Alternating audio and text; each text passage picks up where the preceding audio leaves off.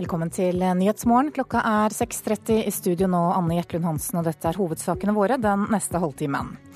Utleie av pass til folk uten lovlig opphold er et økende problem, det sier Kripos. Og konsekvensene kan bli alvorlige, sier Jan Christian Sandberg i Skatteetaten. En kan uh, utgi seg med, med, falsk identitet og, og en, en, annen kompetanse enn det en har. Og uh, komme inn i helsevesenet og, og uh, operere som sykepleier. Og da er det ganske dramatisk. Det er pause i forhandlingene mellom Norwegian og flygerne. De møtes igjen senere i dag. Kontrollvarslinger på SMS og Facebook fører til at flere unngår politikontroller langs norske veier. For Jostein Hetland, som nå er tørrlagt alkoholiker, så var varslingene gull verdt da han drakk. For eh, meg, eh, i den situasjonen jeg var da, så var det veldig bra hjelpemiddel i forhold til å komme seg unna, og jeg brukte det for alt og var Mennesker med lovlig opphold leier ut identiteten sin til mennesker som ikke har opphold her i landet. Ved å finne noen som ligner på seg selv, så ekte, brukes ekte ID-dokumenter for å komme inn i landet. Og problemet øker, forteller Kripos. Det foregår på den måten at eh, personer da eh, enten låner bort eh, eller leier ut sine egne ID-dokumenter, gjerne da pass, til andre personer som, som ligner. Det sier strategisk analytiker ved Kripos, Vegard Hoel. De siste årene har de sett en ny og økende trend. Ekte ID-dokumenter blir leid ut til andre. Når man da skal krysse Norges eller Schengen-grenser, så så vil det da ikke lyse noen røde lamper eh, for forfalska dokumenter i grensekontrollen, fordi dokumentene er jo ekte. For samtidig som det blir vanskeligere å forfalske ekte dokumenter, blir metodene mer kreative men det kan koste. Vi har sett priser oppgitt fra alt fra 200 euro til, til, opp mot 1000 euro, men eh, det virker som det er eh, store variasjoner her. Også skatteetaten har opplevd at folk uten lovlig opphold prøver å registrere seg med andres identitetsbevis. Da for å bli registrert som EØS-borger her i Norge. Det her var albanere eh, som da brukte eh, identiteten til eh, bulgarere som var lovlig registrert i Norge. Det sier underdirektør i innovasjons- og utviklingsavdelingen i skatteetaten, Jan Christian Sandberg. Og hadde da kommet seg inn i arbeidsmarkedet og øh, opererte illegalt da eh, under falsk eh, ID.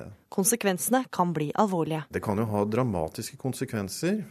Én ting er jo de økonomiske konsekvensene. At en kan svindle Nav f.eks., eller opprette et register og få momsrefusjoner. Eh, men den kan jo òg tenke seg i andre sammenhenger hvor det, en kan eh, utgi seg med, med, falsk identitet og, og en, en, annen kompetanse enn det en har. og eh, komme inn i helsevesenet og, og operere som sykepleier, men ikke ha de kvalifikasjonene eller bygningsingeniør og, og, og ikke ha de, de, kvalifikasjonene. Og da er det ganske dramatisk. Det er jo et økende problem i, i hele, hele, Europa. Sier Hoel fra Kripos. Den nye trenden stiller høye krav til god ID-kontroll. Det er jo også en utfordring for grensekontrollen, for det stiller jo da krav til både erfaring og skal si, teft hos grensekontrollørene. Ettersom dokumentene er jo teknisk ekte. Så de må faktisk da vurdere om personen som står foran en, er den samme som, som blir oppgitt i, i dokumentet. Da. Reporter var Gry Veiby. Dokumentgransker ved Nasjonalt ID-senter, Joran Sandanger, god morgen. God morgen. Vi hører her at utleie av andres identitet stiller store krav til grensekontrollørene. Hva slags kontroller skal egentlig til for å avsløre dem som driver med dette her? Eh, det man pleier å si at det fins eh, to ting man må gjøre først når man skal kontrollere. Det ene er jo selvfølgelig å forsikre seg om at den personen man har foran seg, er den samme som er avbildet i passet. Eh, det er en utfordring i seg sjøl. Folk forandrer seg over tid og i det hele tatt. Det andre man må gjøre, er å forsikre seg om at det dokumentet man undersøker, er ekte. Og det er også noe som krever en viss erfaring, og krever også, det krever litt tid å, å kunne gjøre den undersøkelsen. Um, hvis man da etter disse to kontrollene ikke er helt trygg, så bør man da gjøre en kontroll av den persons uh, troverdighet. Man må rett og slett sjekke om den personens historie holder vann. Da, ja, for, det var snakk om teft i innslaget her. Ja, er det avgjørende? Ja, det er avgjørende. Og det vi ser er at eh, Det er varierende nivå på om folk er flinke å gjøre det eller ikke, men vi ser at norsk politi f.eks. er veldig flinke på teft. Eh, men det handler om at eh, folk ofte står i kø. Det er høyt tidspress. Man, alle de som står i køen, f.eks. i en passkontroll eller i en annen kontroll eller i en registreringssituasjon, alle som står i kø, forventer at, de skal, at det skal gå fort, og at det skal Ja, man legger opp til at ting skal eh, ta kort tid. Og dermed så eh, ja, da kan det bli vanskelig eh, i den situasjonen å gjøre alle disse tingene som kreves for en god ID-kontroll. Hvilke spørsmål er da viktig å stille? Det man ofte gjør, er jo at man stiller åpne spørsmål. At man stiller spørsmål som gjør at den personen som står foran deg, ikke kan ha altså ikke kan ha tenkt ut et svar på forhånd som de skal svare automatisk. Så man stiller spørsmål som gjør at man må nødt til å gå tilbake igjen i erindringen sin og, og, og, forklare en historie som kanskje ikke alltid følger eh, en kronologi. Så hvis man, er, eh, hvis man er den personen man sier man er, så har man kanskje en, en god historie, eller en, en historie som, som, ikke alltid henger sammen sånn kronologisk, men som, som likevel høres troverdig ut. Mens de som da har eh, eh husket en historie uten at de vil, de vil bare kunne forholde seg til den historien de, de husker, uten at de vil ha vanskelig for å gå tilbake igjen i, i tid og, og ja, liksom gå tilbake igjen og tenke eh, og svare konkret på ting som har skjedd før, f.eks. I dag så er det jo slike biometriske data som er lagret i pass. Vil ikke det avsløre de som låner eller leier andres sidedokumenter? Um, det som er På passene så er det da lagret eh, et fingeravtrykk, det er lagret et bilde, og det er lagret et, en signatur. Bilde og signatur det kan jo man med fordel bruke så mye som mulig. Eh, fingeravtrykk har til nå vært beskyttet av forholdsvis gode personvernhensyn. Sånn at uh, dette, Det ligger i løpet at dette skal forandre seg over tid, sånn at man vil kunne kontrollere dokumentene opp mot personen ved hjelp av fingeravtrykk. Men dette er noe som kommer etter hvert. Det handler om å sikre personvernsrettigheter, rett og slett. Du gransker altså ID-dokumenter. Hvor krevende er det å avsløre falske pass? Du, eh, vi pleier, altså For meg som har lang opplæring, så går det selvfølgelig forholdsvis fort. Men vi mener at vi, med god opplæring og god oppfølging så, vil, så, tror vi at førstelinjen, altså de som ser dokumentene først, vil eh, eh kunne avsløre de aller fleste falske dokumenter eh, forholdsvis eh, fort. Eh, så, og, og, så vil de kunne være skeptiske til alle de andre også, som, som kanskje er litt mistenksomme, eller mistenkelige. Eh, dermed så driver vi nå i Nasjonalt ID-senter og opplærer da førstelinjen i UD og i politiet i veldig stort monn for å eh, kunne øke den kompetansen i førstelinjen. Så vi tror det, dette er ikke en uoverkommelig oppgave, for å si det sånn. Joran Sandanger, takk for at du kom hit til Nyhetsmorgen.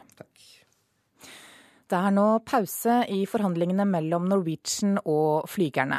Partene gikk fra hverandre klokka 21 i går kveld, og opptar forhandlingene senere i dag. Så godt som alle norske og svenske innenriksflygninger er innstilt. Det forteller informasjonssjef Lasse Sandaker Nilsen i Norwegian. Det vil også bli begrensa antall eh, avganger mellom de skandinaviske hovedstedene. Og så må dessverre også passasjerene belage seg på forsinkelser og i verste fall også kanselleringer på en del europaruter. I dag blir nærmere 25 000 passasjerer ramma av streiken i form av kanselleringer og forsinkelser. Men noen ruter går. Langrutene våre mellom Skandinavia og USA og Skandinavia og Thailand de vil eh, gjennomføres som normalt. Eh, og det vil også flesteparten av flyvningene mellom Spania og Skandinavia og London og Skandinavia. I går kveld klokka ni gikk partene fra hverandre. Leder i Norwegian sin pilotforening, Halvor Vatnar, hadde følgende forklaring på hvorfor de trengte en pause. Vi er selvfølgelig mennesker som trenger litt søvn, det kan nok være én årsak. Utgangspunktet for de pågående forhandlingene skal være et nytt tilbud fra Norwegian-konsernet der pilotene sine arbeidsforhold og lønns- og arbeidsvilkår garanteres i tre år. Leder i fagforeninga Parat, Hans Erik Skjeggerød, var i går positiv til å finne en snarlig løsning. Jeg er helt sikker på at eh, begge parter prater i hvert fall for vår del, at vi eh, ønsker å lete etter løsninger og få eh, de her pilotene Ikke sant, de har lyst til å fly, det vet jeg, og de har lyst til å få passasjerene fram. Så det håper vi jo skjer snart. Ja, og Passasjerene kan sjekke sine avganger på Norwegians nettside. Reporter her, det var Eva Marie Bulai. Ubetalt gjeld kan ha vært motivet for trippeldrapet i den svenske byen Uddevalla i helgen. En 18 år gammel kvinne og to menn på 21 og 22 år ble skutt og drept på en parkeringsplass. Ifølge Göteborgsposten skyldte den ene drepte penger til en av de to mennene som ble pågrepet i går. I USA får Hillary Clinton stadig sterkere kritikk for å ha brukt en privat e-postserver da hun var utenriksminister. Clinton unnlot også i helgen å kommentere saken, men nå ber til og med hennes egne partifeller henne om å gjøre det. What I would like is for her to come forward and say just what the situation is, because she is the preeminent political figure right now. Hillary Clinton må gå offentlig ut og fortelle oss nøyaktig hva situasjonen er, sier Dianne Feinstein til NBC. Den demokratiske senatoren ledet etterretningskomiteen i Senatet fram til forrige valg, og mener bråket rundt Clintons e-postkonto er i ferd med å skade både henne og partiet. I helga har kritikken mot Clinton blitt stadig hardere. Men hovedpersonen selv sa ikke et ord om e-postskandalen da hun holdt tale på en konferanse i Miami på lørdag. President Obama sier han først i forrige uke fikk vite om den private e-postkontoen til sin tidligere utenriksminister. Utenriksdepartementet understreker imidlertid at Clinton ikke har brutt noen regler så lenge hun har arkivert all e-postkorrespondanse. Men republikanere i Kongressen mener hun ikke kan ha gjort det. Trey Gowdy leder komiteen som etterforsker angrepet på USAs konsulat i Benghazi i Libya i 2012. Han har bedt om innsyn i Clintons e-post etter dette angrepet, men sier det er store hull i det komiteen har fått oversendt fra Utenriksdepartementet.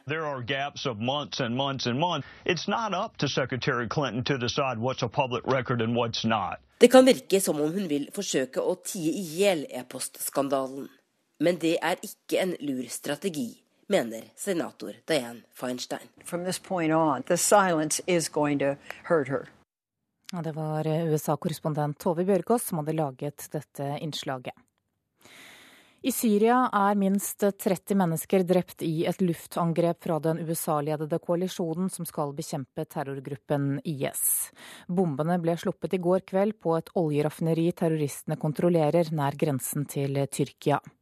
IS finansierer mye av sin krigføring med olje.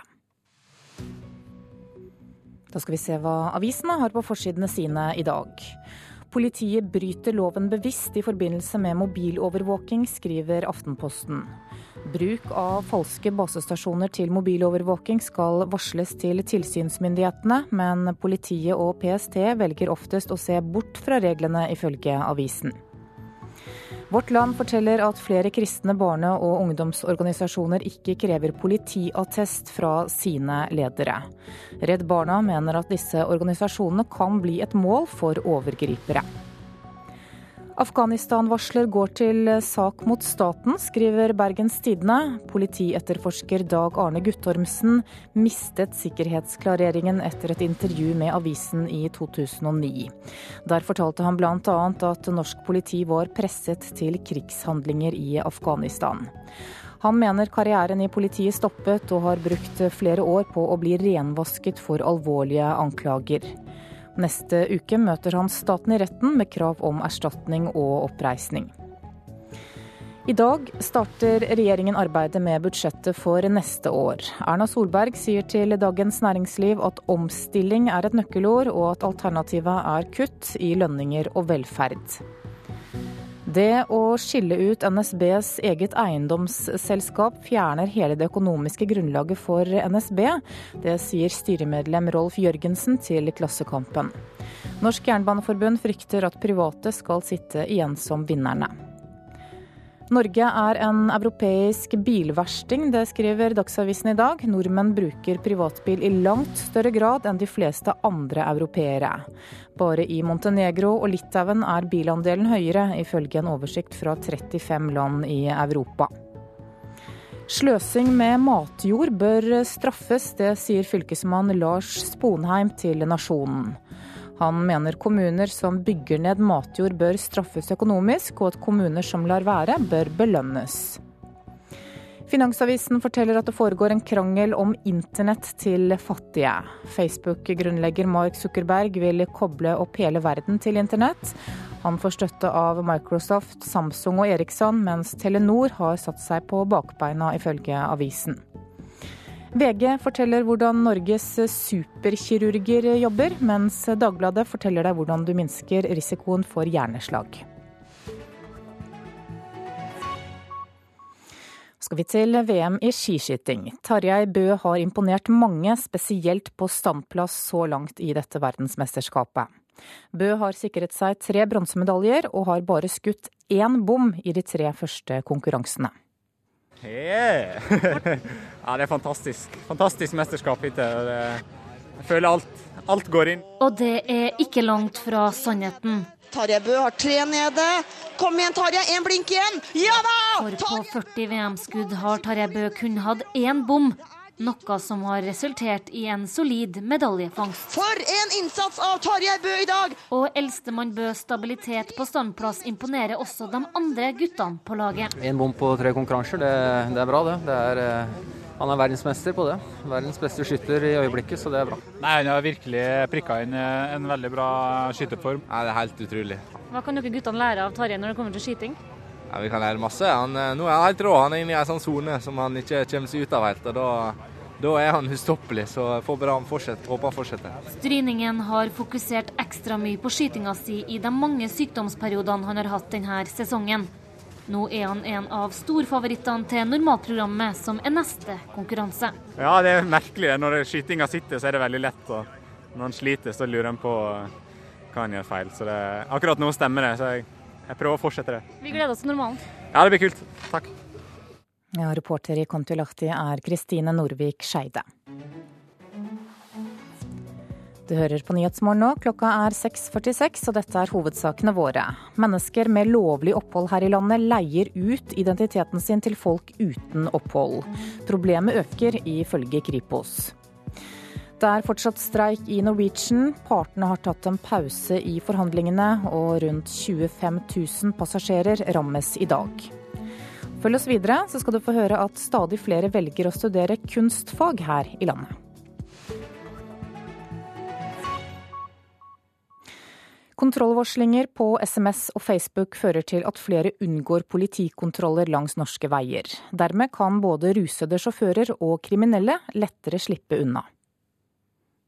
For eh, meg, eh, i den situasjonen jeg var da, som eh, aktiv alkoholiker, så var det et veldig bra hjelpemiddel i forhold til å komme seg unna. Og jeg brukte det for alt og hvert. Det sier 42 år gamle Jostein Hetland, tørrlagt alkoholiker, om SMS-varslingstjenestene han tidligere benytta seg av for å unngå politikontroller langs norske veier. Den 1. oktober i 2012 ble han stoppa av politiet i sentrum av Beitostølen i Østre Slidre med over to i promille. Da hadde han ifølge seg sjøl nådd bunnen, etter flere års alkoholmisbruk. Og han er overbevist om at kontrollvarslingstjenestene han brukte, gjorde at han slapp unna politikontroller gang på gang. Varslingstjenester i forhold til hvor man kunne bli tatt. Sjekke opp eh, hvor, statistikker på hvor det var mest kontroller osv. Så, videre. Eh, så jeg hadde ganske god oversikt over det. Hvis jeg drakk, så kjørte jeg bil. Det var på en måte eh, Sånn var det bare. Så antall ganger jeg har kjørt i påvirka tilstand, det aner jeg ikke, for å være helt ærlig.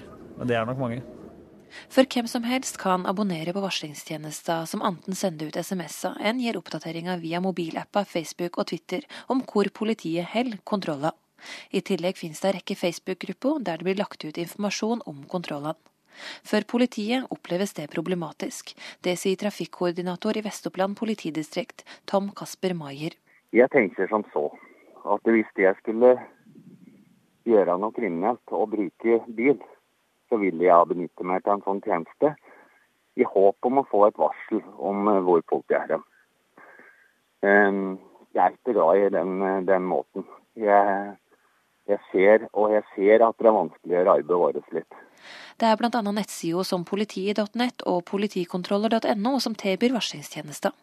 NRK har forsøkt å komme i kontakt med dem uten hell, men på sine nettsider opplyser de at promillekontroller ikke blir varsla. Men det finnes det ingen garanti for. I et intervju med Sandefjords Blad innrømmer en av gründerne bak politiet.net at det kan forekomme ruskjøring pga. varslingstjenesten. Den tjenesten nettsiden tilbyr er ikke ulovlig, men pga. varslingstjenestene har politiet måttet legge om arbeidet sitt. Vi bruker en del mer sivile biler. Vi må flytte oss litt oftere, for vi ser at eh, ti minutter etter en kontroll, så dabber det. Da ser vi at da er det mye varsling, og da får vi ikke gjort noe med de tingene vi ønsker å gjøre noe med. Ifølge Folkehelseinstituttet kjører 140 000 personer i Norge i ruspåvirka tilstand hver eneste dag. For Hetland ble det å bli stoppa av politiet en endring på livet. Nå har han vært rusfri i to og et halvt år. Og etter den kvelden 1.10 i høstferien 2012, så har jeg ikke drikket en dråpe og ikke hatt lyst til å gjøre det heller. Altså, det har ikke vært noe tema for meg. Jeg fikk ordna opp i de tinga som plagde meg. og Livet er i dag eh, fantastisk, da, for å si det sånn. Reporter her var Sigrid Havig Berge. Stadig flere velger å studere kunstfag her i Norge. Det viser en oversikt fra Norsk samfunnsvitenskapelig datatjeneste for de fire siste årene. Samtidig tjener kunstnerne mindre, og arbeidsløsheten er høy. Men det skremmer ikke unge kunstnerspirer på Oslo kulturskole. Du barn av den håreste mor Elektra. Vi smelter du hen i ustanselig gråt for din far Agamemnon. Elevene på forstudium teater ved Oslo musikk- og kulturskole øver på et utdrag fra Elektra av Sofokles. Husk at dere må lytte til hverandre. Det er vanskelig å komme inn akkurat samtidig. Blant de 14 elevene ønsker de aller fleste å gå videre til et skuespillerstudium. Jeg har jo alltid elsket å stå på scenen siden jeg var veldig liten. Sier Seda Witt. Jeg tror det er ønsket jeg har om å kunne formidle noe. Hun er 20 år gammel og klar for andre runde av opptaksprøvene til Teaterhøgskolen i Oslo. Som de fleste av vennene sine satser hun på en karriere innen kunstfaga. Det er mange om beinet, det er det. Men det er et sånt fellestrekk at så lenge man bare har det gøy med det og koser seg med det, så kan man jo nå så langt man, man vil, tenker jeg da. Og stadig flere vil gjøre som Seda. Tall fra Norsk samfunnsvitenskapelig datatjeneste viser at det har blitt 10% flere studenter på flerårige studium innen design, utøvende musikk, scenekunst og visuell kunst de siste fire åra.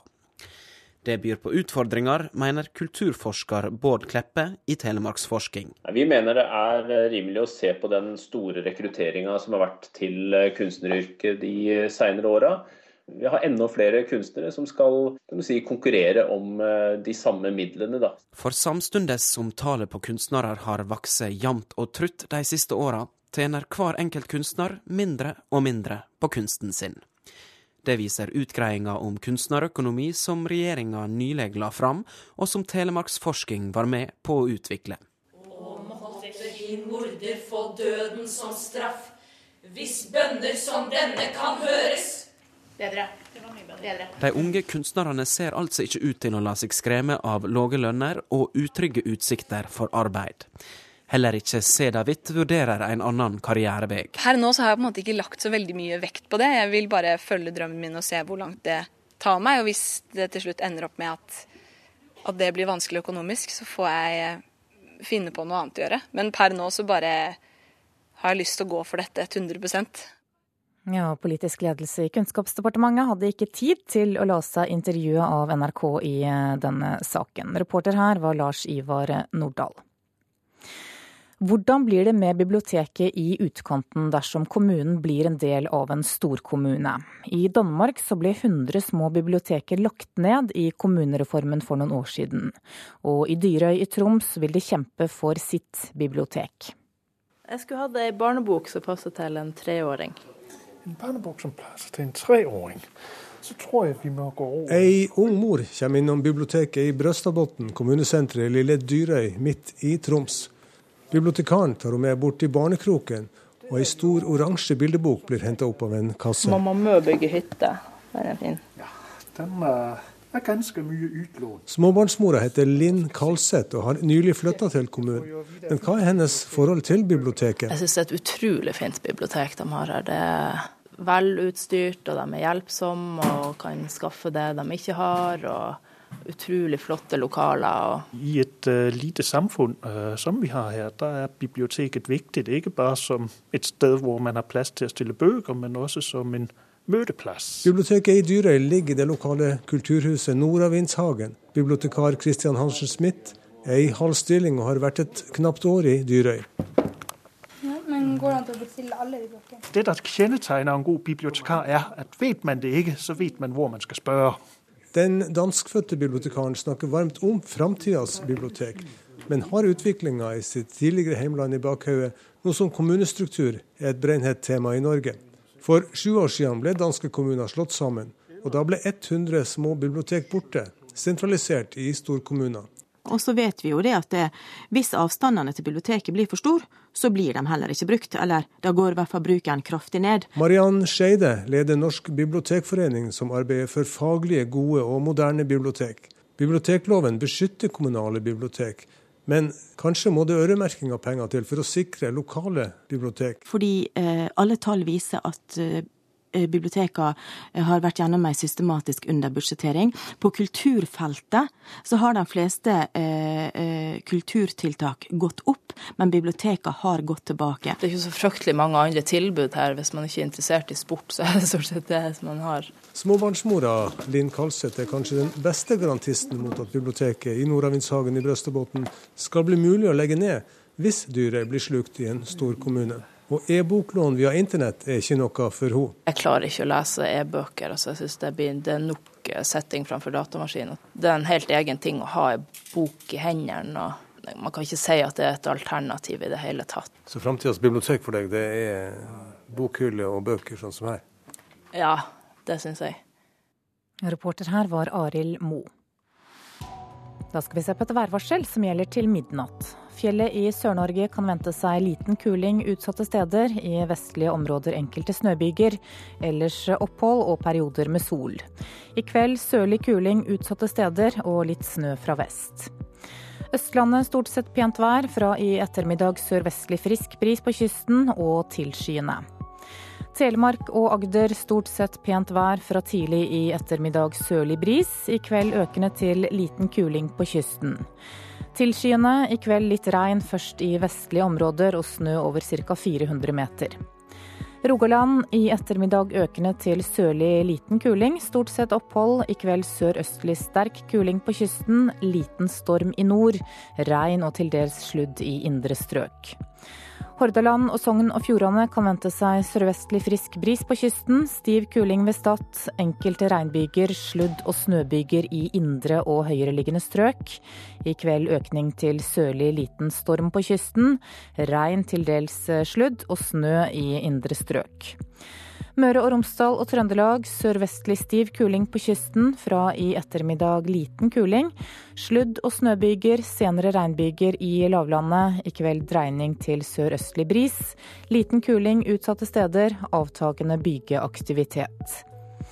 Nordland vestlig periodevis sterk kuling utsatte steder. Minkende i ettermiddag. I kveld sørvestlig liten kuling i nord og sørlig frisk bris i sør. Sludd- og haglbyger, snø i høyere strøk og utrygt for torden. Troms vestlig periodevis sterk kuling utsatte steder. I ettermiddag minkende til stiv kuling. Først i sør. Sluddbyger, snø i indre og høyere strøk. Finnmark vestlig sterk kuling utsatte steder. Korte perioder med liten storm. Sludd- og snøbyger, særlig på kysten i vest. Og på Nordensjøland på Spitsbergen er det ventet skiftende bris i dag. Fra i ettermiddag nordvestlig liten kuling i vest og enkelte snøbyger. Så tar vi med temperaturene som ble målt klokka fire. Da hadde Kirkenes minus én, Vardø null, Alta to, Tromsø null, Bodø, Brønnøysund og Trondheim alle tre. Molde 4, Bergen 5, Stavanger 3, Kristiansand 4, Gardermoen 3, Lillehammer 0, Røros minus 1 og Oslo-Blindern hadde null grader klokka fire i morges. NRK P2.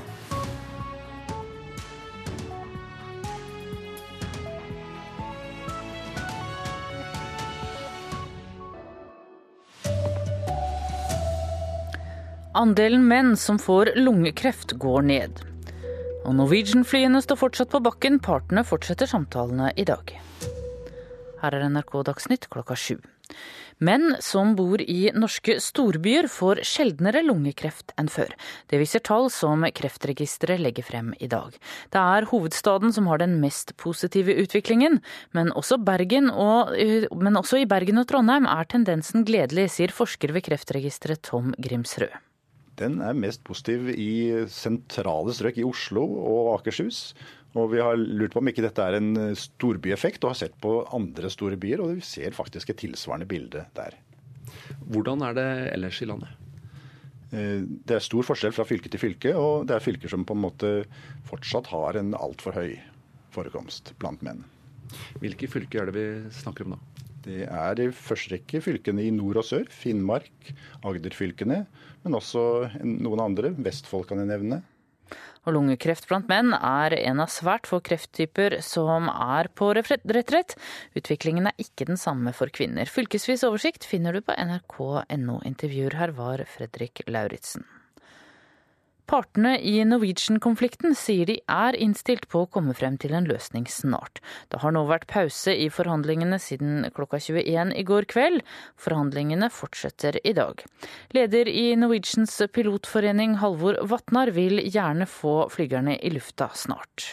Vi må jo avslutte forhandlingene før eller siden, og vi må komme oss ut og fly og få passasjerene fram så fort som mulig. Utgangspunktet for de pågående forhandlingene skal være et nytt tilbud fra Norwegian-konsernet, der pilotene sine arbeidsforhold og lønns- og arbeidsvilkår garanteres i tre år. Leder i fagforeninga Parat, Hans Erik Skjeggerød, var i går positiv til å finne en snarlig løsning. Jeg er helt sikker på at eh, begge parter prater i hvert fall for vår del, at vi eh, ønsker å lete etter løsninger og få eh, de her pilotene Ikke sant, de har lyst til å fly, det vet jeg, og de har lyst til å få passasjerene fram. Så det håper vi jo skjer snart. Reporter her var Eva Marie Bulai. I dag er nesten alle norske og svenske innenriksflygninger innstilt pga. streiken. Oppdatert informasjon finnes på Norwegians nettsider. Flere kjente museer i USA forbyr nå selfiestang. Stengene som kameraet er festet på for å kunne ta bilder på mer enn én en armlengdes avstand, er nå forbudt, bl.a. ved Museum of Modern Art i New York og Getty Center i Los Angeles. Verdens største forsknings- og museumsinstitusjon, The Smithsonian, har også forbudt selfiestenger, og begrunner det med behovet for å beskytte besøkende og gjenstander. NRK Dagsnytt var ved Tone Nordahl. Klokka er 7.03, og Nyhetsmorgen fortsetter med disse sakene. Færre menn får lungekreft nå enn tidligere. I dag starter regjeringen arbeidet med budsjettet for neste år, og KrF og Venstre har store forventninger. Og så er utenriksminister Børge Brende på vei hit til Nyhetsmorgen for å svare på hva som skal skje med Sør-Sudan etter at fredsforhandlingene nå stoppet opp før helgen.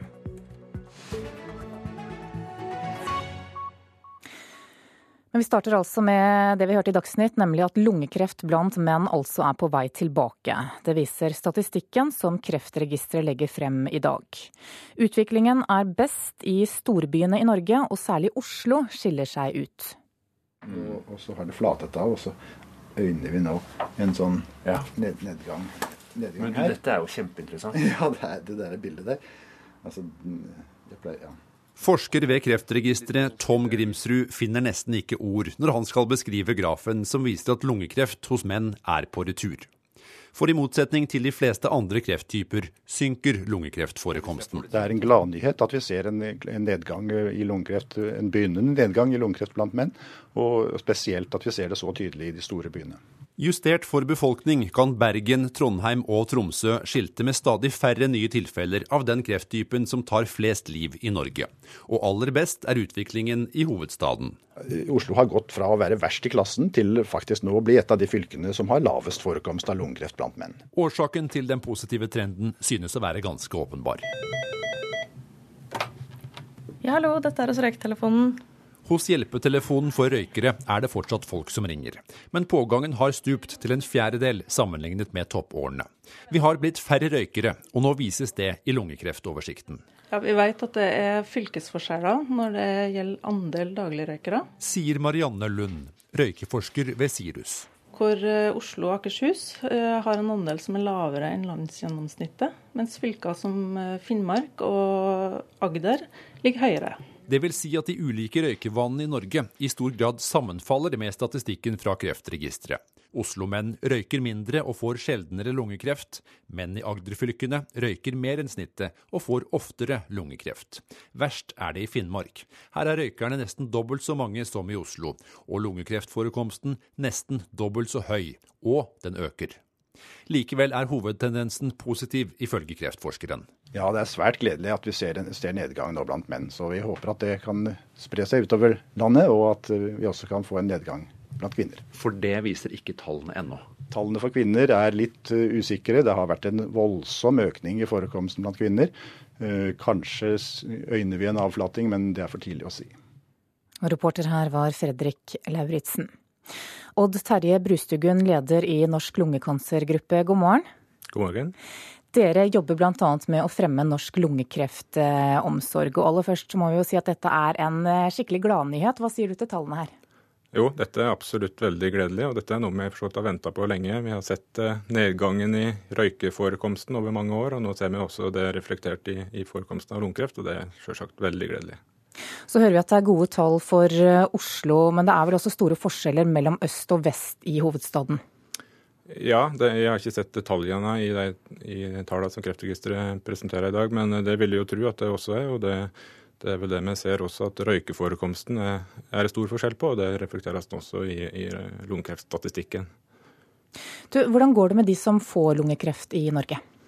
Ja, Vi har sett prognosen bli bedre og bedre, heldigvis. Eh, prognosen nå er, er, betydelig bedre enn bare for ti år siden. Men fortsatt er lungekreft den mest alvorlige av alle kreftsykdommene, og er den som tar flest liv. Og, og det som jeg også ser med bekymring på, er at den øker hos kvinner. Som også ble nevnt i innslaget her, så er jo da røykeforekomsten hos kvinner også på vei nedover. Men lungekreftforekomsten hos kvinner har vi ikke sett en tilsvarende nedgang eh, hos foreløpig, men forhåpentligvis så kommer også det om eh, ikke altfor lang tid, men foreløpig har vi dessverre ikke sett det der. Hva kan være grunnen til det, tror du? Nei, Nå var nok eh, røykeforekomsten hos kvinner på vei opp lenger enn det den var hos menn, slik at økningen har fortsatt en god del lenger enn den gjorde hos menn. Eh, og det har kanskje tatt noe mer tid før den går ned, men det, det er også grunn til kanskje å være noe bekymra over den av-og-til-røykinga som en ser at spesielt unge kvinner eh, bedriver, og at det er kanskje også noe som en bør fokusere på i, i røykeslutarbeidet. Hvordan er behandlingen for lungekreftpasienter i dag i forhold til tidligere? Eh, vi har f.eks. fått en høyere andel pasienter som blir operert, og det er jo den viktigste behandlingen når det gjelder å bli helbredet for lungekreft, det er å, er å få eh, operasjon. Eh, så har vi også fått tilgang til en mye større andel pasienter inn i det vi kaller helbredende strålebehandling, altså stereotaktisk strålebehandling, som er en spesiell variant av det. Over bare de siste få åra har vi fått en svær økning i den gruppa, heldigvis. Eh, og også medikamentell behandling er blitt bedre, og en større gruppe pasienter har vi nå målretta behandling for, som da kan eh, holde sykdommen i sjakk i, i, ganske lang tid, heldigvis. Hva kan vi gjøre da for å forsterke denne tendensen om at, uh, altså for at færre skal få lungekreft, bortsett fra at folk må slutte å røyke? Ja, Det viktigste er jo som, som du sier at de må ikke få den. og Det er jo røykesluttarbeid som vi må forsterke. Og, og både primærhelsetjenesten gjør en kjempejobb, og skolen gjør en god jobb. Og, og i det hele tatt eh, det å intensivere det arbeidet, kanskje spesielt nå mot kvinner, er nok det som en bør fokusere aller mest på. Odd Terje Brustugun, takk for at du kom hit til eh, Nyhetsmorgen. Og på nettsidene våre nrk.no så finner du en fylkesvis utvikling over norske menns lungekreftforekomst. Regjeringen møtes i dag til den aller første budsjettkonferansen på veien mot statsbudsjettet for neste år. Samarbeidspartiene KrF og Venstre har forventninger om gjennomslag for sine hjertesaker. De gir dessuten klar beskjed om hvem som ikke må rammes av eventuelle kutt. Hvis vi skal fornye og se på endringer vi skal gjøre innenfor støtteordningene våre, så skal vi hjelpe de aller svakeste og de aller fattigste, og så får heller vi andre tåle å bidra litt mer ekstra. Sier Venstre-leder Trine Skei Grande. KrFs finanspolitiske talsmann Hans Olav Syversen vil ikke komme med noe ultimatum, men For oss er det i hvert fall viktig også i en situasjon hvor det er litt strammere økonomiske tider, å også sørge for at de som har dårligst råd, ikke er de som også skal bære de tyngste byrdene når budsjettene skal kanskje strammes til. Det ble bråk da regjeringen i årets budsjett kuttet i barnetillegget til uføre. Lignende grep vil altså ikke bli godtatt. Etter en vanskelig periode i høst ble samarbeidet mellom regjeringen og Venstre KrF pusset opp på et møte i Nydalen forrige uke. Neste års statsbudsjett var et viktig tema. Vi har snakket litt om de overordnede tingene som er viktige. Ikke minst med tanke på at vi nå skal eh, inn i en krevende omstilling for norsk økonomi. Sa finansminister Siv Jensen til NRK. Da er det viktig for folk å vite at vi setter trygghet for, eh, for folks økonomi i høysetet. Eh, og at vi legger til rette for å kunne skape flere arbeidsplasser fremover. Et satsingsområde er de helt enige om, ifølge Syversen. Eh, vi har et eh, felles engasjement for å styrke utdanning og forskning i alle de fire partiene. Og vi i KrF fikk igjennom en god satsing for første til fjerde trinn for inneværende år. Det er noe vi eh, gjerne ønsker å få fram også for neste år. Og for KrFs del, selvfølgelig. At vi har et solid sikkerhetsnett i Norge for de som faller utenfor. Og det tror jeg regjeringspartiene vet godt vil være viktig for oss. Jeg tror at regjeringa når de samles vet hva som er Venstre til prioriteringa. Vi ønsker å få til det grønne skiftet, den grønne veksten. Det må gjennomsyre både skatte- og avgiftspolitikken, men også næringspolitikk og hvordan du skal få til skiftet i norsk økonomi, som vi vet vi må gjennom. Reportere her var Katrin Hellesnes og Sindre Heierdal. Politisk kommentator i NRK Magnus Takvam, hva går denne budsjettkonferansen ut på? Ja, denne konferansen skal ende opp med å gi hvert eh, enkelt departement og statsråd en foreløpig totalramme for virksomheten og for det budsjettet de kommer til å få til slutt. Altså både tiltak i budsjettet, budsjettet og, og, og, kutt. Eh, nå er det slik at dette er selvfølgelig foreløpige vedtak. Og eh, mange av de forslagene som de ulike statsrådene kommer, kommer med eh, på, på, tiltak for sitt eget budsjett, blir skjøvet inn i en stor profilpott eh, som større, kommer til å være mye større nå enn, enn det den endelig blir. sånn at den store dragkampen om, om disse tingene skjer i augustkonferansen eh, senere. Hva har de økonomiske utsiktene og oljeprisen å si for eh, budsjettarbeidet? Det er selvfølgelig eh, bunnplanken for hele arbeidet. og Gjennomgangstonen både fra Erna Solberg og Siv Jensen eh, har jo i forkant av denne budsjettkonferansen vært omstilling. Greier vi ikke å legge om til en økonomi etter etter eh, oljealderen så venter store og drastiske kutt, sier eh, bl.a. statsminister Erna Solberg i dag. Og det er klart at det faktum at vi ikke lenger kan regne med eh, så store inntekter fra eh, oljesektoren, er jo en, et, et, trendskifte, en, en langsiktig endring av rammevilkårene som ikke kan møtes med kortsiktige motkonjunkturtiltak. Og Derfor så vil i hvert fall slik regjeringen ser det, alle forslag i budsjettet søke å eh, tjene denne omstillingen da, på ulike områder. Kommer Venstre og Kristelig Folkeparti til å være en del av budsjettprosessen? Nei, ikke slik vi tenker på det med del av. Men de har allerede da spilt inn sine hovedsatsinger. Og jeg tror nok at den uh, dårlige erfaringen man hadde fra i fjor, gjør at man vil i hvert fall forsøke å ta noe mer hensyn til Venstre og KrF, også i måten man informerer på og eh, skal vi si, samarbeider om budsjettet. Men det er regjeringens budsjett som skal forhandles og få flertall for i Stortinget, dette også. Hva betyr det at de får større gjennomslag, da? Det vil jo vise seg. Eh, de må i hvert fall unngå de store overraskelsene og eh, åpenbare konfliktsakene som, eh, som baserer seg på overraskelser, slik det skjedde i høst. Slik at man er bedre informert og kan få en mer, skal vi si, profilen på budsjettet kan oppfattes bedre enn det den gjorde sist. Men jeg tror fremdeles KrF og Venstre ikke vil eh, forplikte seg til å stå bak regjeringens budsjettforslag, og det vil også prege forhandlingene denne gang. Takk skal du ha, Magnus Takvam. Klokka er straks 7.15. Eh, du hører på Nyhetsmorgen. Dette er hovedsakene våre. Lungekreft blant menn er på kraftig retur i norske storbyer. Norwegian-streiken går inn i sitt tiende døgn. Samtalene fortsetter i dag. Og KrF og Venstre vil altså sette foten ned for budsjettkutt som rammer de svakeste. I dag starter regjeringen arbeidet med neste års budsjett. Og I dag skal også partene i Norwegian-konflikten fortsette samtalene for å forsøke å få en slutt på streiken. Men foreløpig er konflikten uløst, og det blir en rekke avlyste avganger også i dag, forteller informasjonssjef i Norwegian, Lasse Sandaker Nilsen. Nesten alle innenriksflyvninger i Norge blir eh, berørt av streiken eh, også i dag. Det beklager vi for alle de som skal ut og reise med oss. Eh, det vil også bli begrensa antall avganger mellom de skandinaviske hovedstedene. Og så må dessverre også passasjerene belage seg på forsinkelser og i verste fall også kanselleringer på en del europaruter. Men det som er viktig å, å understreke, er at langrutene våre mellom Skandinavia og USA og Skandinavia og Thailand de vil gjennomføres som normalt. Og det vil også flesteparten Halvparten av flyvningene mellom Spania og Skandinavia og London og Skandinavia. Og rundt 25 000 passasjerer blir rammet av streiken i dag. Professor i økonomi ved Norges handelshøyskole, Frode Steen, god morgen. God morgen. Utgangspunktet for de pågående forhandlingene skal være et nytt tilbud fra Norwegian-konsernet, der flygernes arbeidsforhold samt lønns- og arbeidsvilkår garanteres i tre år.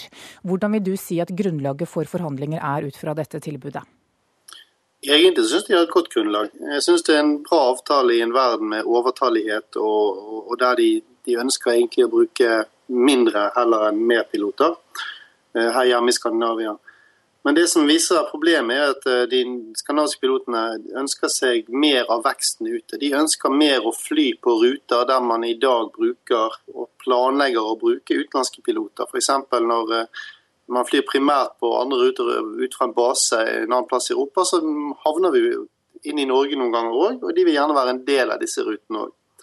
Det andre er tillitsbiten. De er veldig opptatt av at selskapet gir en garanti, men den garantien stoler de tydeligvis ikke godt nok på. Jeg tenker vel kanskje de skal begynne å tenke mer på tilliten til Norwegian enn til tilliten til, til Melodi og, og moderselskapet.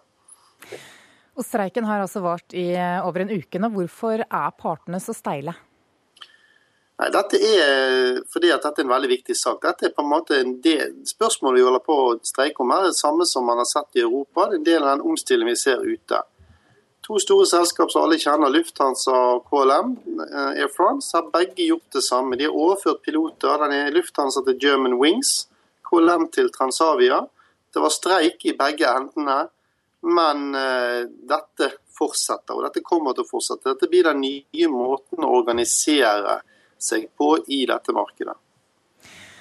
Dersom streiken fortsetter lenge og flygernes selskap går konkurs, hva skjer med flygerne da? Nei, Jeg kan ikke forstå annet enn at det må bety at Norwegian som selvfølgelig da vil ønske å drifte videre, lager et nytt operatørselskap, eller kanskje tre, som de antydet. og De vil da ansette de de trenger. og I og med at de f.eks. For, for de norske pilotenes del har flere piloter nå enn det de egentlig har eh, marked for, så vil det bli færre som får tilbud om jobb. Og jeg vil neppe tro at de får gode, like gode tilbud som de ville fått om de hadde blitt enige nå, da. Hvor langt unna er partene en løsning, tror du? Nå har vi jo hatt to, to og et halvt døgn med, med, med, med, samtaler, og de har vært kloke nok til å gå inn i et lukket rom uten å la det bli en mer mediedebatt nå det siste døgnet. Jeg tror det betyr at de eh, konvergerer sakte, men sikkert. Så må vi bare håpe at det skjer så fort som mulig. Takk skal du ha, Frode Steen, professor i økonomi ved Norges handelshøyskole. Nå skal det handle om eh, Sør-Sudan. President Salwa Kiir og opprørsleder Rik Mashar forlot fredsforhandlingene før helgen, og nå foreslår en rapport fra Den afrikanske union at landet bør ledes av andre enn eh, de to. Utenriksminister Børge Brende, hvordan vurderer du det innspillet? Nå er jo ikke den rapporten offentlig enda, men det er jo bred enighet òg i de forhandlingene som har vært, om at eh, de som har vært eh, involvert i alvorlige menneskerettighetsbrudd, ikke skal være en del av ledelsen av Sør-Sudan fremover. Ja, hva er alternativet? Ja, Alternativet nå eh, må jo bygge på det som er av sivile samfunn, det som er av nye og yngre eh, krefter. Problemet på kort sikt er jo at eh, president Salva Kiir og tidligere visepresident Riek Machar har jo hver en ganske stor hær. Og hvis vi ikke finner frem til en våpenhvile og en fredsavtale med de to, så er det jo fare for at nuere, som eh, representerer én stor gruppe, og Dinkar, en annen stor gruppe, igjen starter å krige med hverandre, og titusenvis av liv eh, vil gå tapt. Ja, for Partene gikk altså fra hverandre før helgen uten resultat. Hva skjer med fredsforhandlingene nå? Nå er det enighet om at Den afrikanske union skal utpeke fem afrikanske statsledere som skal gjenoppta disse forhandlingene sammen med troikaen, hvor Norge er eh, med. Eh, I tillegg USA og Storbritannia. Og innen 9. april så må det foreligge en avtale. Eh, det er de tre månedene man trenger før man skal gå til valg og gjennomføring av en ny regjering, forhåpentligvis. Før helgen så kom det frem eh, i et eh, utkast til denne rapporten fra Den afrikanske union der Norge får deler av skylden for dagens konflikt i Sør-Sudan. Hva, hva svarer du til det?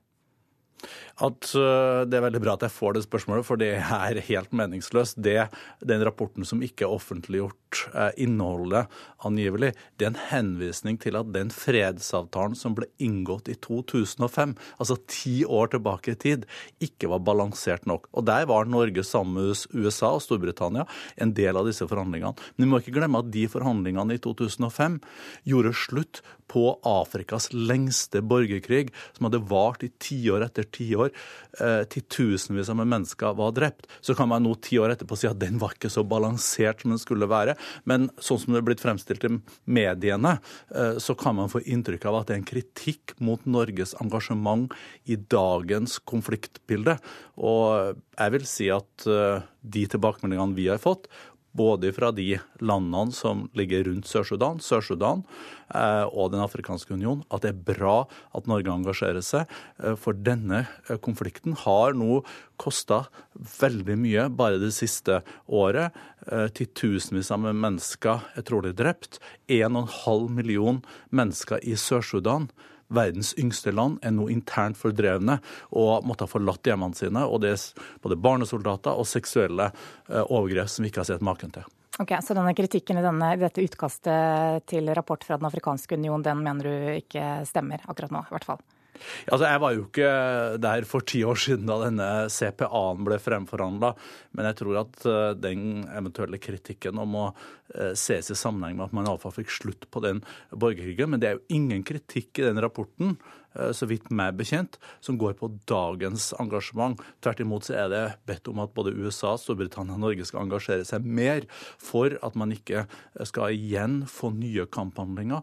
Og må ikke glemme at FN har slått fast at situasjonen i Sør-Sudan nå er en av de fire mest alvorlige humanitære krisene i verden. Børge Brende, takk for at du kom hit til Nyhetsmorgen. Om en uke så går Israel til valg, og blant de utallige partiene finnes det flere arabiske partier. 20% av alle israelere er arabere, og slår de arabiske partiene seg sammen, så kan de bli den tredje største blokken i Knesset.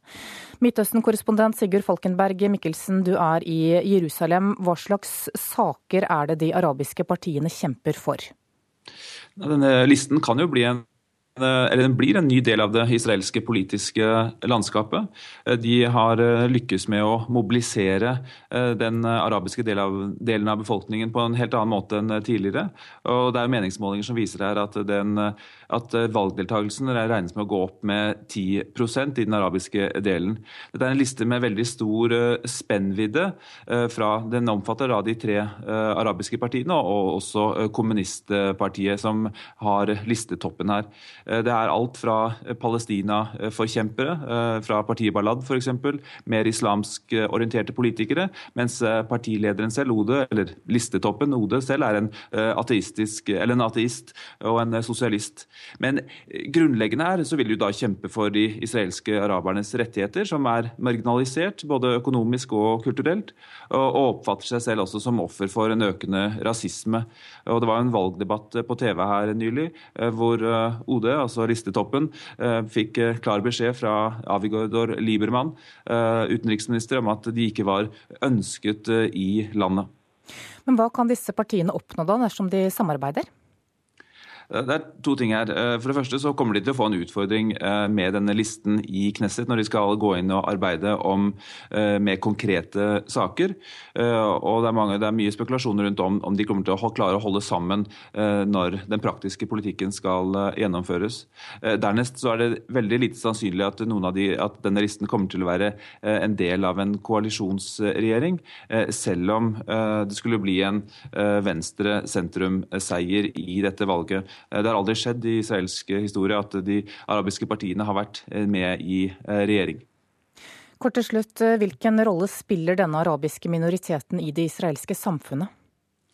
De er da en viktig del av samfunnet rent demografisk, 20% men har lite del av styre og stell. Men de vil da få en tydeligere stemme med denne forente arabiske listen. Takk skal du ha, Sigurd Falkenberg Mikkelsen. Da skal vi se hva avisene har på forsidene sine i dag. Politiet bryter loven bevisst i forbindelse med mobilovervåking, det skriver Aftenposten. Bruk av falske basestasjoner til mobilovervåking skal varsles til tilsynsmyndighetene, men politiet og PST velger oftest å se bort fra reglene, ifølge avisen. Vårt Land forteller at flere kristne barne- og ungdomsorganisasjoner ikke krever politiattest fra sine ledere. Redd Barna mener at disse organisasjonene kan bli et mål for overgripere. Det å skille ut NSBs eget eiendomsselskap fjerner hele det økonomiske grunnlaget for NSB. Det sier styremedlem Rolf Jørgensen til Klassekampen. Norsk Jernbaneforbund frykter at private skal sitte igjen som vinnerne. VG forteller hvordan Norges superkirurger jobber, mens Dagbladet forteller deg hvordan du minsker risikoen for hjerneslag. Press, stress og utbrenthet rammer stadig flere unge. Sankt Svithun ungdomsskole i Stavanger tar resultatene i ferske ungdomsundersøkelser på alvor, og arrangerer nå stressmestringskurs for elevene. Det er så stort press. sant? Det er press på alle kanter. Du må være sosial, du må være flink på skolen, du må være god i idretten din. Ingen vil skuffe noen. Alle vil være best for seg selv og alle andre. Så da blir man jo stressa. De lever et travelt liv med høye forventninger, og syns det er tøft å leve opp til alle kravene. Det fører jo til at folk ikke orker mer. De bare lar alt gå. De vil ikke gjøre det mer fordi de vet at de ikke klarer det det er jo ikke spesielt bra for selvtilliten. Er. Altså, Hva er det som stresser henne? Hva, hva er stresset her? Ja. De går på altfor mye. 50-60 ungdommer er samla på St. Svithun ungdomsskole til kurs i stressmestring. Miljøarbeider Tone Laugaland har studert den siste ungdomsundersøkelsen i Stavanger, som viser at stadig flere unge føler seg stressa og blir utbrent. De springer om, om kapp med klokka hele veien og gir uttrykk for å være stressa. Vi ser, treffer jo òg elever som sitter i korridorene her av og til og griner fordi de kjenner på en sånn jeg, jeg, dette her går ikke, jeg kommer ikke til å klare det. Og får en sånn dårlig bilde av seg sjøl. Da. Og da, da, tror jeg det vil være veldig nyttig med et kurs sånn som dette her, å få lære elevene litt teknikk av hvordan de kan ta lure valg og lure prioriteringer for seg sjøl. Eh, jeg syns det var veldig bra at lærerne tar tak i noe som de vet at det er et problem for de fleste elevene. Reporter her, det var Øystein eh, Ellingsen. Klokka nærmer seg 7.30 og Dagsnytt. I reportasjen etter det skal du få høre at det ser ut til at ebolaepidemien går mot slutten i de tre hardest rammede landene i Vest-Afrika. Produsent for Nyhetsmorgen i dag, det er Ingvild Ryssdal, og her i studio, Anne Jetlund Hansen.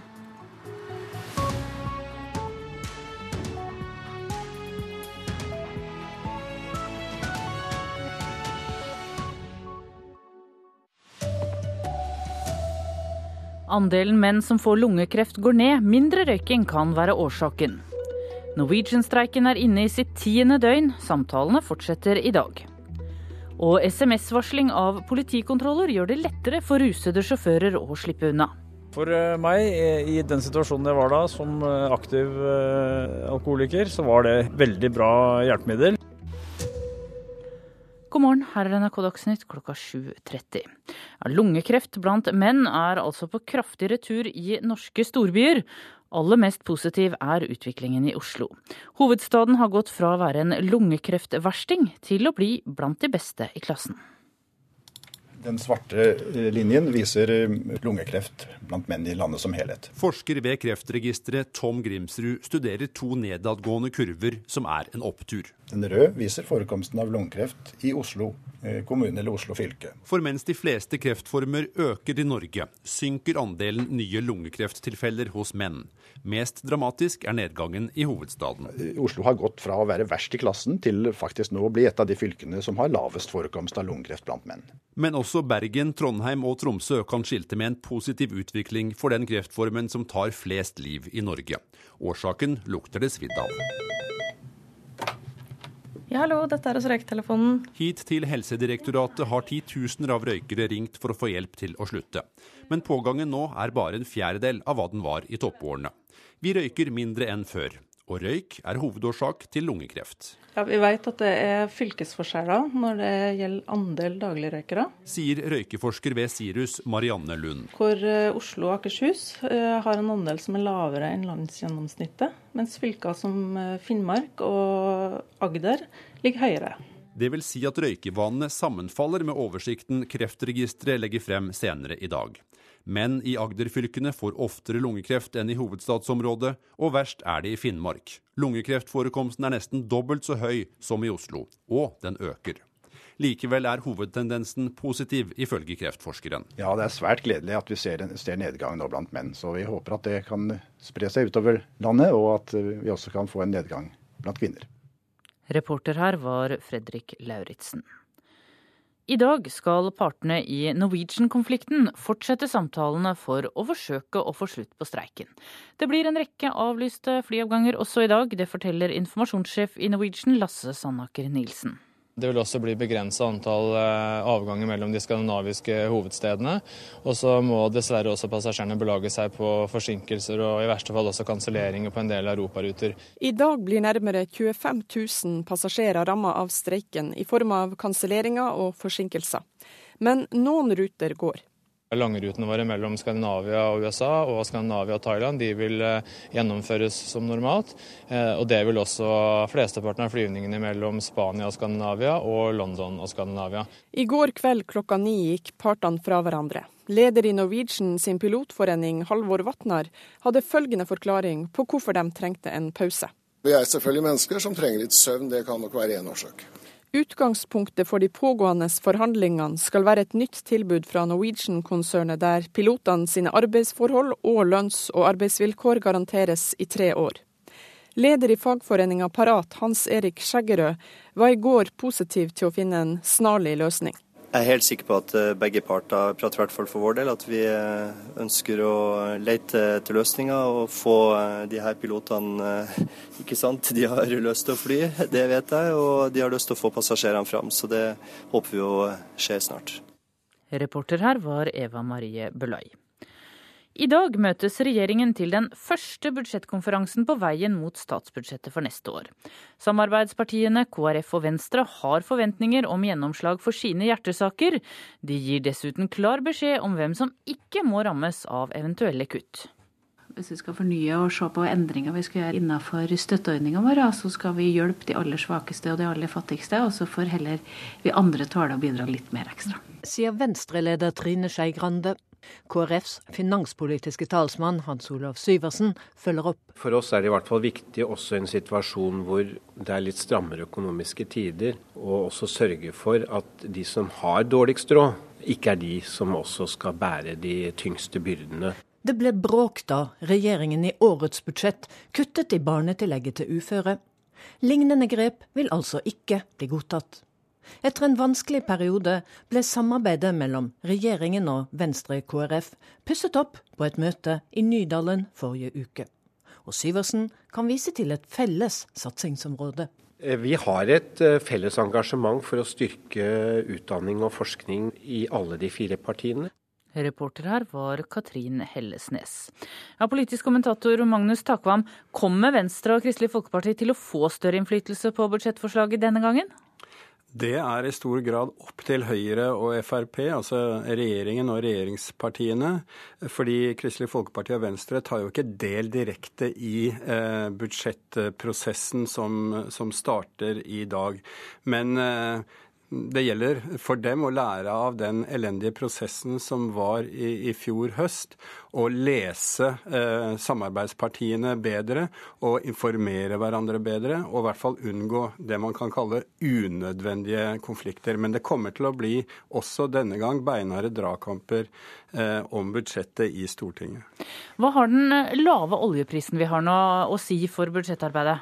Det er klart det er eh, eh, veldig avgjørende. Og det er jo et uttrykk for at vi i norsk økonomi selvfølgelig er inne i et trendskifte, i en stor omstilling.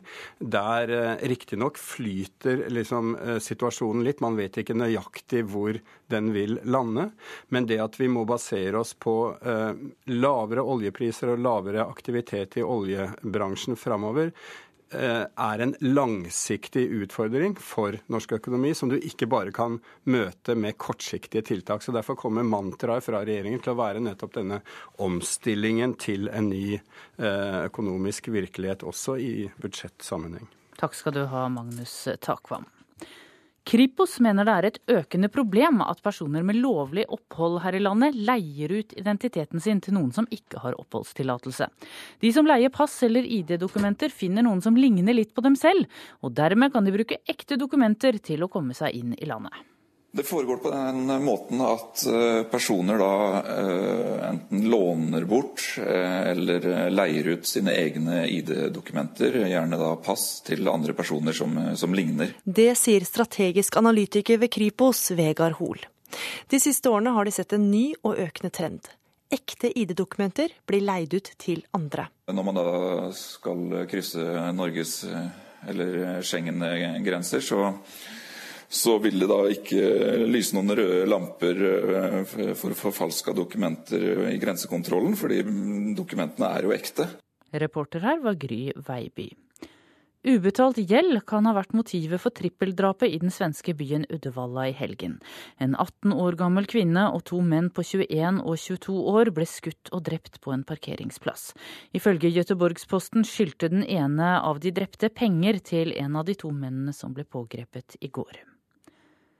Varsler om politikontroller på SMS og Facebook gjør at mange bilister kan unngå å bli kontrollert. Dermed kan både rusede sjåfører og kriminelle lettere slippe unna. For eh, meg, eh, i den situasjonen jeg var da, som eh, aktiv alkoholiker, så var det et veldig bra hjelpemiddel i forhold til å komme seg unna. Og jeg brukte det for alt og hvert. Det sier 42 år gamle Jostein Hetland, tørrlagt alkoholiker, om SMS-varslingstjenestene han tidligere benytta seg av for å unngå politikontroller langs norske veier. Den 1. oktober i 2012 ble han stoppa av politiet i sentrum av Beitostølen i Østre Slidre med over to i promille. Da hadde han ifølge seg sjøl nådd bunnen, etter flere års alkoholmisbruk. Og han er overbevist om at kontrollvarslingstjenestene han brukte, gjorde at han slapp unna politikontroller gang på gang.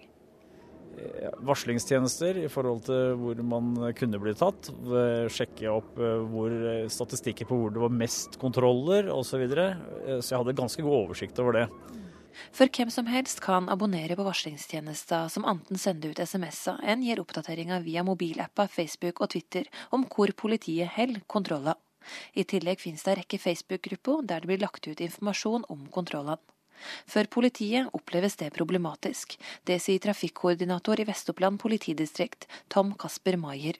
Jeg tenker som så at hvis jeg skulle gjøre noe kriminelt og bruke bil, så ville jeg benytte meg av en sånn tjeneste i håp om å få et varsel om hvor politiet er hen.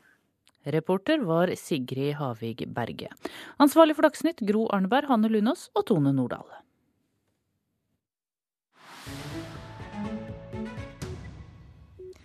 Klokka er 7.40 nå, og Nyhetsmorgen fortsetter. Det ser ut til at ebolaepidemien går mot slutten i de tre hardest rammede landene i Vest-Afrika. I Liberia forlot den siste pasienten sykehus for noen dager siden, men epidemien har fått store konsekvenser på mange områder i disse landene. Det viser en rapport som bistandsorganisasjonen Plan har laget. Beatrice Giardolo kommer gående med røde blomster i hendene. Hun blir skrevet ut fra sykehuset i Liberias hovedstad Monrovia. Liberia har ikke hatt nye smittetilfeller på to uker, og håper dette er slutten på epidemien der. Men over er det ikke. Det er fremdeles ebolasyke i de to andre hardt rammede landene, Sierra Leone og Guinea. Derfor advares det fra alle kanter mot at man slapper av. Det er generalsekretær Kjell Erik Øie i Plan Norge enig i. Ja, Nå er det jo veldig viktig at vi ikke slapper av. Vi skal være glad for at det ser ut til å eh, gå mot en slutt. Men det kan blusse opp igjen, og derfor er det viktig å følge de forholdsreglene man har gått ut med, også en stund til. Det er ikke bare sykdommen som rammer disse landene i Vest-Afrika. Plan har laget en rapport som forteller om alle ringvirkningene av det hittil største ebolautbruddet i verden. Alle de tre hardt ramma landene er blant de fattigste i verden. Infrastrukturen fungerer dårlig, helsevesenet fungerer dårlig, utdanningssystemet fungerer, fungerer, dårlig i utgangspunktet. Og det er klart at Når det da kommer en sånn situasjon som dette, så blir landet satt flere år tilbake i, i utvikling. Og så er jo eh, veldig mange barn ramma av dette. De er ramma fordi de har sett eh, familiemedlemmer bli syke. Noen noen er blitt syke og har dødd også av, av barna. Og mange barn er blitt foreldreløse eller har mista en av foreldrene sine. I en bakgård i Sierra Leones hovedstad Freetown sitter 15 år gamle Isha og lager middag til de fire småsøsknene sine. En liten familie hardt rammet av epidemien. Life is never for me since I don't come.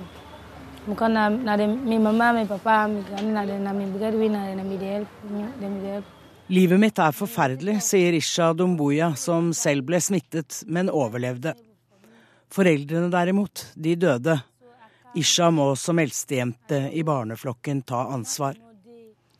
Hun har verken penger eller jobb. Hjelp får hun ikke. Småsøsknene sitter stille rundt henne. Planrapporten om konsekvenser av ebolaepidemien forteller om barn som ikke leker lenger, forteller generalsekretær Kjell Erik Øie. Noen gjør det sikkert ikke fordi de er triste og lei seg, noen gjør det nok fordi, eller være å leke fordi de er redde for å ta på andre mennesker. De har lært at ebola smitter ved at man er i berøring med hverandre, og så blir de redde, og så tør de ikke å leke med andre barn. Likevel, Liberia, Sierra Leone og Guinea er sakte på vei tilbake til normalen. I Liberias hovedstad Monrovia vasker 14-åringen Success den grå og rosa skoleuniformen sin. I over sju måneder har hun ikke hatt bruk for den. Nå har skolene endelig åpnet igjen.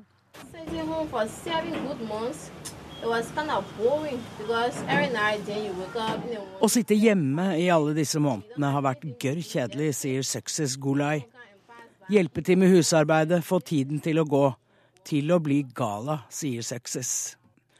Over 9800 er døde. Nesten 24 000 har vært smittet. Det internasjonale samfunnet har lovet i alt godt over 43 milliarder kroner i hjelp til de kriserammede landene. Foreløpig er bare halvparten utbetalt. Det sa utenriksmedarbeider Anette Groth. Klokka er 7.44 nå. Du lytter til Nyhetsmorgen. Dette er hovedsakene våre. Lungekrefttoppen kan være nådd. Andelen nye tilfeller blant menn synker. Og særlig er det i de store byene at utviklingen er positiv. Streiken i Norwegian går inn i sitt tiende døgn. Samtalene fortsetter i dag, men så godt som alle norske og svenske innenriksflygninger er innstilt.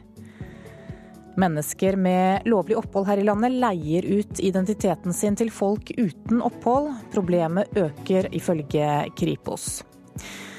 Da er klokka straks 7.45, og du skal få Politisk kvarter. Programleder i dag, det er Bjørn Myklebust.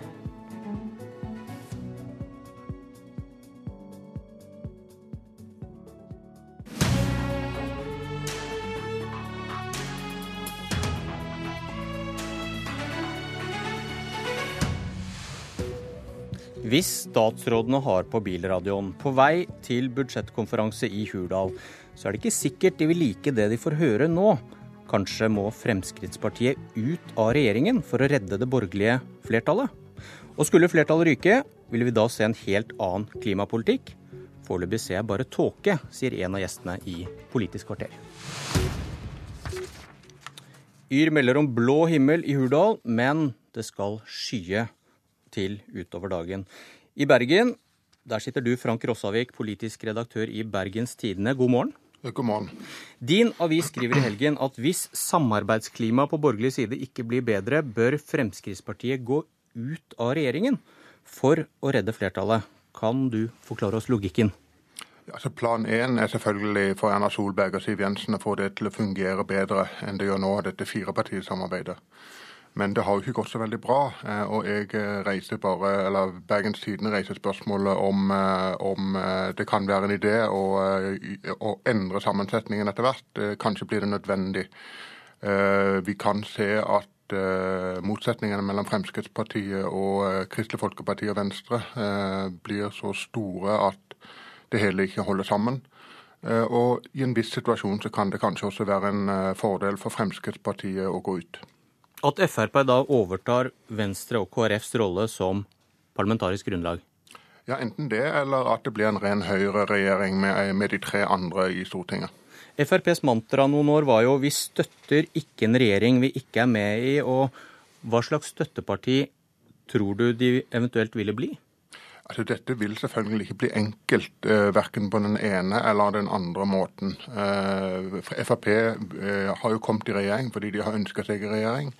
Eh, og de får jo til noe, men det virker jo på både partiets grunnplan og på velgerne eh, at eh, det ikke er nok, og at mange heller vil ha partiet i opposisjon. Eh, eh, partiet har jo mange løse kanoner på Stortinget som beveger seg stadig vekk, og vi har eh, fallende meningsmålinger, som vi ser. Frp har jo falt fra 16 til 10-11% på bare halvannet år. Kristin Clemet, leder i Civita. Frp ut av regjeringen kan redde flertallet. Hva tenker du om logikken? Nei, Dette syns jeg høres nokså urealistisk ut. Altså Det Bergens Tidende her sier, det er jo at eh, det vil bli mindre uro og bedre samarbeid dersom Fremskrittspartiet sitter utenfor og Venstre og KrF sitter i regjering. Eh, jeg tror ikke det er grunnlag for å si det. Eh, det er utfordrende når man har noen samarbeidspartier utenfor regjering. Nå har det vært litt støy, men det kan jo godt hende at dette kommer bedre på skinner nå. Og vi skal huske på det var jo også støy da vi hadde en flertallsregjering. Men i en tenkt situasjon som Rossavik da tenker høyt om her? Hva er den tenkte situasjonen? Det er jo at det skal fortsette å være veldig mye bråk, som han sier, og at det skal være mye uro og støy, og at det da vil være bedre å skifte. Men jeg tror ikke at du kan eh, De skal jo da regjere på den samme samarbeidsavtalen. Jeg tror ikke det er noen garanti for at samarbeidet vil bli bedre. Jeg tror også Rossavik eller BT tar feil når de sier at samarbeidet er spesielt dårlig mellom Frp-statsråden og Venstre og KrF.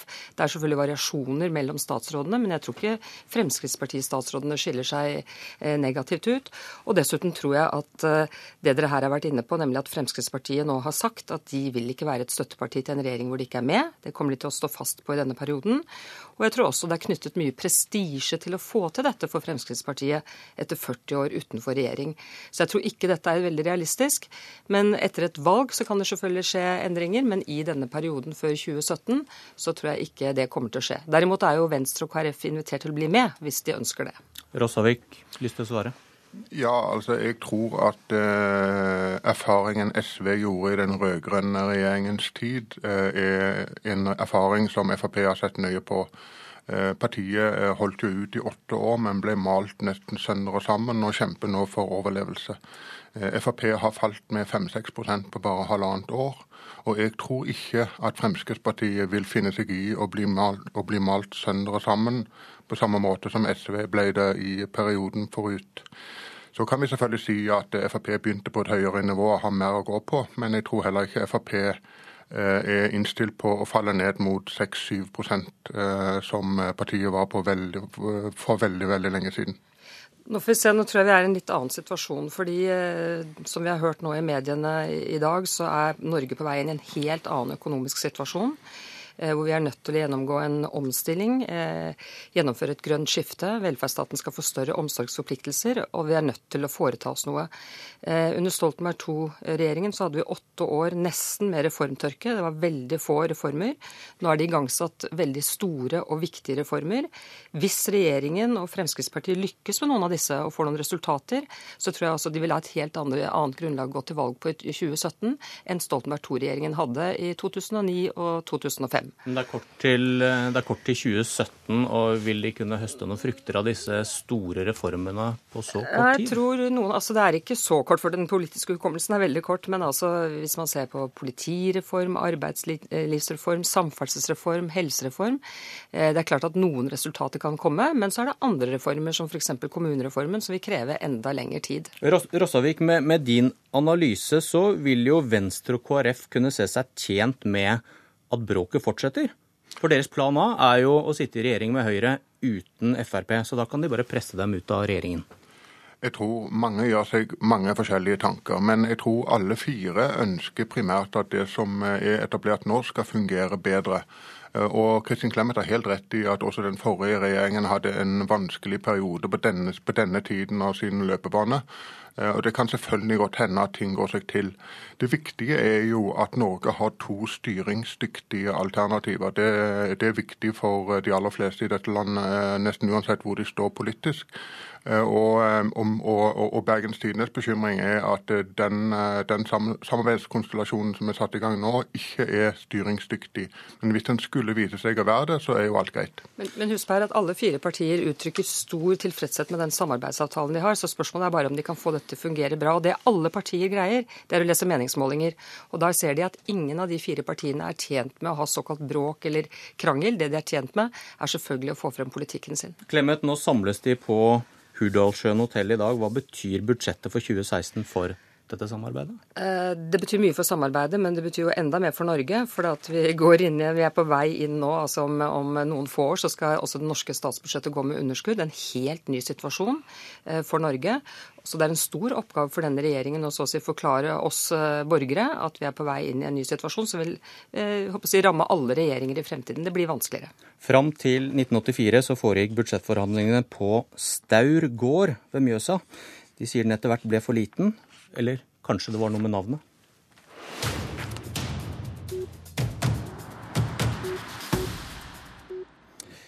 Jeg tror han som nettopp kom inn, vil mene disse ferske signalene fra Jonas Gahr Støre ser ut som sprikende staur. Ja til en klimalov. Nei til å bremse norsk oljeutvinning, og Norge bør være karbonnøytrale om 15 år. Rasmus Hansson, du sitter i energi- og miljøkomiteen på Stortinget for Miljøpartiet De Grønne. Får du øye på ny klimapolitikk fra Arbeiderpartiet nå? Jeg får jo øye på eh, signaler og forsøk av høyttenking, eh, som jeg ønsker hjertelig velkommen. Det trenger eh, Norge, og det trenger Arbeiderpartiet.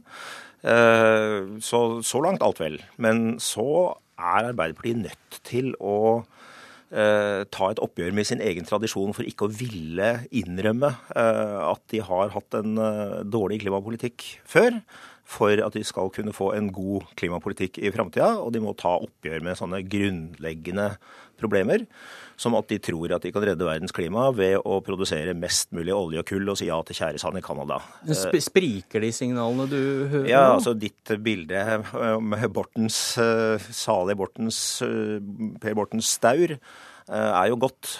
Her signaliserer altså Arbeiderpartiet Eh, en ambisiøs framtidig klimapolitikk. Eh, begrepet 100% klimanøytral i 2030 gir jo folk inntrykk at Arbeiderpartiet vil fjerne norske klimagassutslipp på 15 år. Det er mer ambisiøst enn noen miljøorganisasjon eller Miljøpartiet De Grønne i det hele tatt tør å snakke om.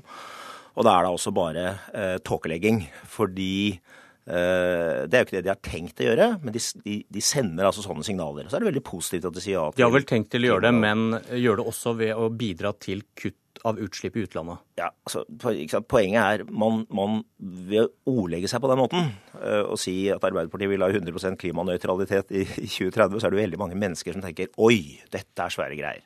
Men så er det også det reelle innholdet i det. At de vil kjøpe forskjellige slags kvoter og tiltak i utlandet. Uh, og hvis de gjør det på samme måte som de gjorde i massiv skala uh, da de satt i regjering, Eh, så betyr det ingenting. Eh, gjør man det på Arbeiderpartiets gamle måte, så kan Norge bli 100% klimanøytralt i morgen formiddag ved å kjøpe kjempebillige FN-kvoter for omtrent like mye som det kosta å gruslegge Slottsplassen, noe sånn 80-90 millioner kroner. Så det er bare tompreik. Men så går det an å gjøre det på en ordentlig måte, og spørsmålet er har de tenkt å gjøre det. Nestleder i energi- og miljøkomiteen, Terje Linn Aasland fra Arbeiderpartiet. Hvorfor tror du ikke Hansson er fornøyd? Nei, Det her er jo kjent eh, klimaretorikk fra eh, Rasmus Hansson. Det er, eh, gjør han jo for å få oppmerksomhet om Miljøpartiet De Grønne. Og så har jeg lyst til å understreke dette handler ikke om ord. Arbeiderpartiet foretar klimakonkretiseringer omtrent hver eneste dag, og vi utvikler politikk hver eneste dag. Det som forundrer meg, det er at Miljøpartiet De Grønne, som skal være et miljøengasjert og et klimaengasjert parti, ikke i større grad også engasjerer seg for det som skal skje utenfor Norge. Men jeg har lyst til å la det ligge, fordi at vi sier at vi ønsker å være 100% karbonnøytrale i 2030. Det handler om også en sterk understøtting av at vi må bidra ute i verden for å løse vår tids største utfordring. Det er det som er rammen rundt det. Så vet Rasmus Hansson utmerket godt at Arbeiderpartiet omtrent ukentlig nå i Stortinget foretar klimakonkretiseringer og sørger for flertall i Stortinget på mange viktige områder i norsk klimapolitikk. Det handler om klimalov. Det handler om forsterkning av virkemidler som skal understøtte klimariktige valg. Eh, og det handler også om å underbygge nye virkemidler for industri, næringsliv, sånn at de også kan utvikle seg eh, i en grønnere retning med en sterkere grønn vekst. Så det er rammen omkring Arbeiderpartiets politikk. Og det vil jo ikke selvfølgelig Rasmus Hansson vedkjenne seg, fordi da mister han noe oppmerksomhet på vegne av Miljøpartiet De Grønne.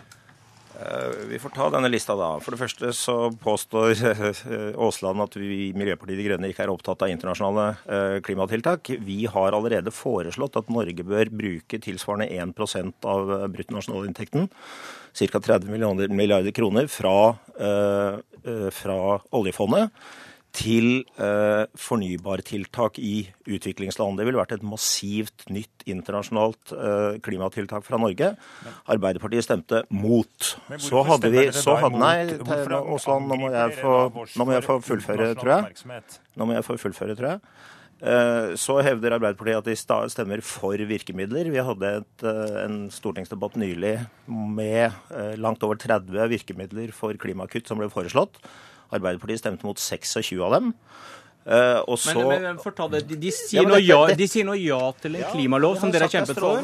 Det har sagt er strålende, men så må den fylles med innhold. Jeg, bare, jeg må få lov til å plukke ned Du gir dem ikke mye skryt her? Jo, men Jeg må få lov til å plukke ned uh, påstander som er, altså, som er, faktisk feil. Og så gir jeg dem igjen da, skryt for at de viser nye ambisjoner. Men det må fylles med reelt innhold. Og det, og det reelle innholdet i dag er altså eh, ja til full fart på norsk oljevirksomhet, ja til subsidier til kull på Svalbard, ja til tjæresand i Canada. Og det er disse tingene som gjør den store forskjellen for verdens klimabalanse. Aasland, det er det evige spørsmålet i norsk klimadebatt. Hvor mye betyr det om Norge kutter sine utslipp? Det betyr eh, mye, og vi kommer til å være med på tiltak som betyr at den eh, reduserer utslipp i Norge. Nå har vi valgt en, eh, en vei, eller regjeringen sammen med, med, Venstre og Kristelig Folkeparti har valgt en vei hvor vi skal tilslutte oss EU. Vi skal få forhandlinger med EU hvis EU vil, og så skal vi da få en ramme for de nasjonale utslippene. Og da er det klart at vi må sørge for at vi klarer å bringe oss sjøl i stand til å ta en vesentlig del av av, disse kutta. Så vil jeg tilbakevise eh, det som Rasmus Hansson sier. Vi har foreslått, og kommer til å foreslå, mange kraftfulle tiltak. I den klimamålmeldinga som vi har til behandling i komiteen nå, så foreslår vi altså eh, null- og lavutslippsteknologi. Vi foreslår en veldig tydelig retning igjen på det her med karbonfangst og -lagring. Vi foreslår en betydelig styrking av klimateknologifondet som kan bidra til omstillinger og grønnere vekst. Vi foreslår en betydelig mer til utbygging av kollektivtrafikk osv. Så, videre, og så, videre. så vi foreslår tiltak hver eneste dag. Ok, Enn så lenge så blir norsk klimapolitikk bestemt i Hurdal, og så på Stortinget. Uten dere, tror jeg. Takk for at dere kom til Politisk kvarter. Jeg heter Bjørn Myklebust. Hør flere podkaster på nrk.no podkast.